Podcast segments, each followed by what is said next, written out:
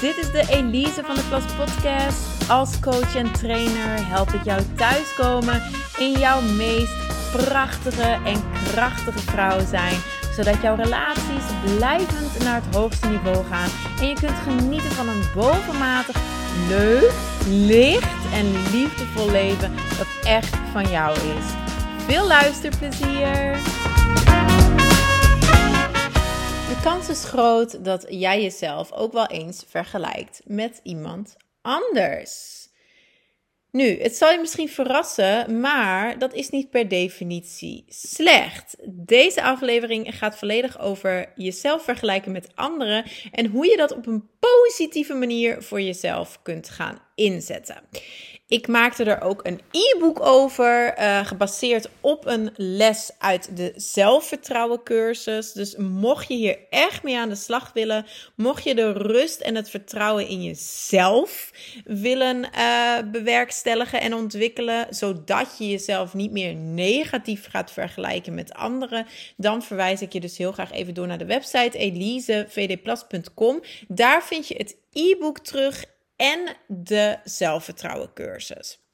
Want het is namelijk een gebrek aan zelfvertrouwen dat ervoor zorgt dat je continu naar anderen gaat kijken voor goedkeuring, voor richting. Hè? Mag ik dit wel doen? Welke kant moet ik op? Wat wordt mijn volgende stap? En ook voor motivatie dat je wacht als het ware tot iemand anders zegt: doe maar. Dus die geeft jou niet alleen de goedkeuring om iets te doen, maar die gaat jou dan ook nog motiveren om dat te doen.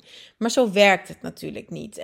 Dit moet allemaal van binnenuit komen. Goedkeuring, richting en motivatie moet van binnenuit komen. En bij een gebrek aan zelfvertrouwen gaat dat er niet zijn en ga jij je continu vergelijken met anderen. Nu, Jezelf vergelijken met een ander is niet slecht. Ik zei het al even, mits je het dus goed aanpakt. Mits jij zelfvertrouwen hebt, dan kun je jezelf vergelijken met anderen op een hele positieve manier. Vergelijk jezelf uitsluitend met een ander met de intentie om een duidelijker beeld van jezelf te krijgen. Dat is heel belangrijk. Hè? Dus Vergelijk jezelf met een ander met de intentie om een duidelijker beeld van jezelf te krijgen. Met meer, om meer informatie op te doen, meer kennis op te doen over wie jij bent, wat jij wilt en of je daar eventueel in iets kan of mag veranderen.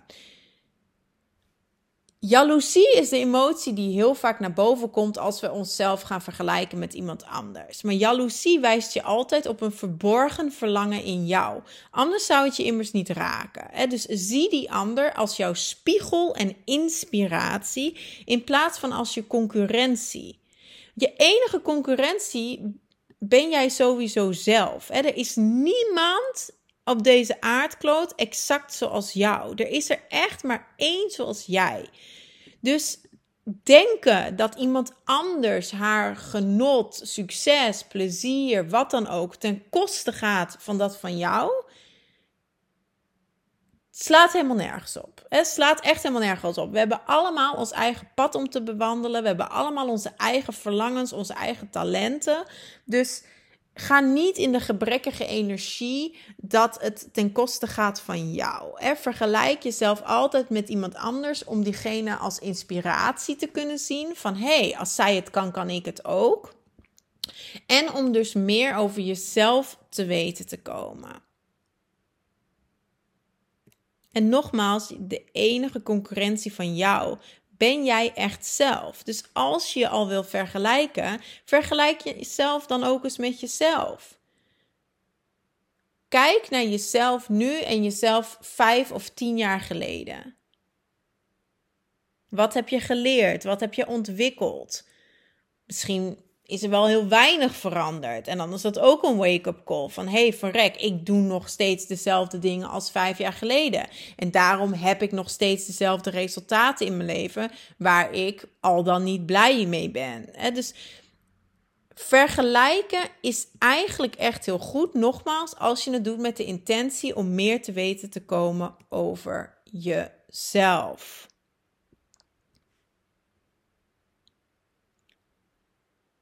Dan nog iets anders. Ik zei het al even. Het wijst op een verborgen verlangen in jou. Anders zou het je niet raken. En dan heb je een aantal opties. Wat je vanuit die jaloerse emotie kan gaan doen. Een aantal goede opties en een aantal foute opties. De foute opties is dat je die jaloezie jou laat aanzetten tot het kruipen van in de slachtofferrol. Dus dat jij jaloers bent op iemand en dat je dan maar denkt: ja, maar zij heeft makkelijk praten. Of ja, maar zij heeft. Vul in, hè? Zij heeft rijke ouders. Zij is mooi en slank. Zij bla bla bla bla. Dan kruip je in de slachtofferrol.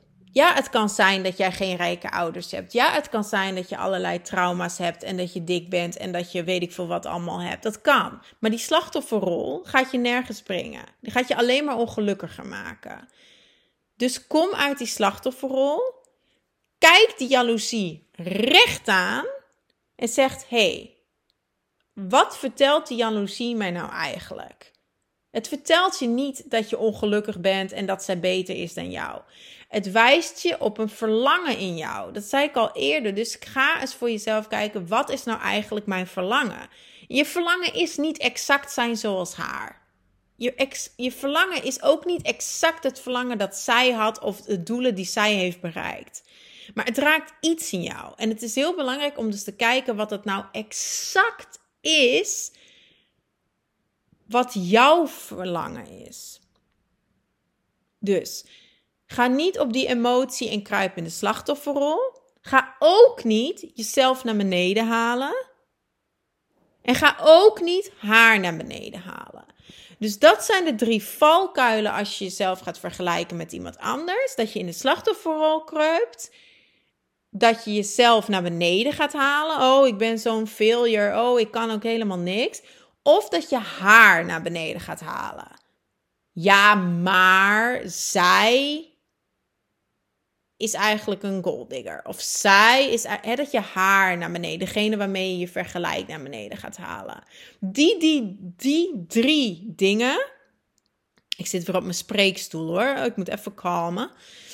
Have to calm my tits. Um, adem in, adem uit. Maar die drie dingen brengen jou in een downward spiral in gebrekkige energie in plaats van overvloedige energie, in negatieve energie in plaats van lichte, liefdevolle energie. En vanuit die negatieve, gebrekkige, onzekere uh, energie ga je sowieso niks kunnen veranderen op een positieve manier. Ga je sowieso niets moois kunnen creëren in je leven. Hè? Dus, en ga je ook niet zelfverzekerd en gelukkig zijn. Gebruik het vergelijken van jezelf om meer kennis op te doen over jezelf, om eventueel een positieve verandering in gang te zetten. En laat die emotie, en zeker die pijnlijke emoties, laat het jouw spiegel zijn. En laat het jouw richtingaanwijzer zijn. Doe er iets mee. Verdoof die emotie niet. Hè, negeer het niet. Uh, ga niet te veel wijn drinken, drinken om het te vergeten of het maar niet te voelen. Maar ga echt in die emotie en laat het je sturen. En het is ook bekend, hè? pijn zet sowieso meer aan tot actie. Alleen wat veel mensen doen die een pijnlijke emotie voelen, is die gaan het verdoven, die gaan het negeren in plaats van er wat mee te doen. Pijn is heel waardevol omdat het jou een wake-up call kan geven en omdat het jou nogmaals tot actie aan kan zetten. Het is nu eenmaal zo dat mensen in de kern weglopen van pijn veel meer dan dat ze bewust in de richting gaan van plezier. En dat zie je ook aan marketing. Hè? Dat is psychologisch. Daarom dat die marketeers dat ook doen. Daarom dat die reclames ook inzoomen op die pijn die hun product oplost. In plaats van op het plezier dat hun product brengt. Dat is mens eigen. Dus ga in die pijn en laat het je aanzetten tot verandering. Als je nu denkt, waar heeft ze het over? let er maar eens op bij reclames. Reclames zeggen niet: wil jij prachtig haar? Reclames zeggen vooral: ben jij helemaal klaar met futloos, droog haar? Wil je je niet langer schamen voor je roos? Hè? Wil jij prachtig haar? En ze zoomen altijd ook in op die pijn. Dus als je jezelf vergelijkt met een ander en er is een pijn, doe daar dan iets mee. Dat is eigenlijk de clue van het verhaal. Vergelijken, jezelf vergelijken met een ander is eigenlijk super waardevol, mits je het slim aanpakt. Ga niet in die slachtofferrol. Ga jezelf niet naar beneden halen. Ga die ander ook niet naar beneden halen. Maar kijk naar het verborgen verlangen in jou en doe er iets mee. nou, dit is een heel, heel kort, uh, korte schop onder je kont misschien. Um, mocht je er echt op een dieper niveau mee aan de slag willen gaan, want het is natuurlijk allemaal makkelijker gezegd dan gedaan. Dus wil je daar wat echt praktische, concrete hulp van me bij? Ga dan naar de website. Klik op dat e-book. Gun het jezelf. Het is een hele kleine investering. Um, het gaat echt helpen om die verandering echt in gang te zetten. Blijvend. Um, dus ik zou zeggen, ga naar de website. Klik op e-books. Of bekijk die zelfvertrouwen cursus. Dat is, als dit bij je binnenkomt, deze aflevering, jouw volgende stap. Nou, dankjewel voor het luisteren. En sowieso tot volgende week weer. Bye bye.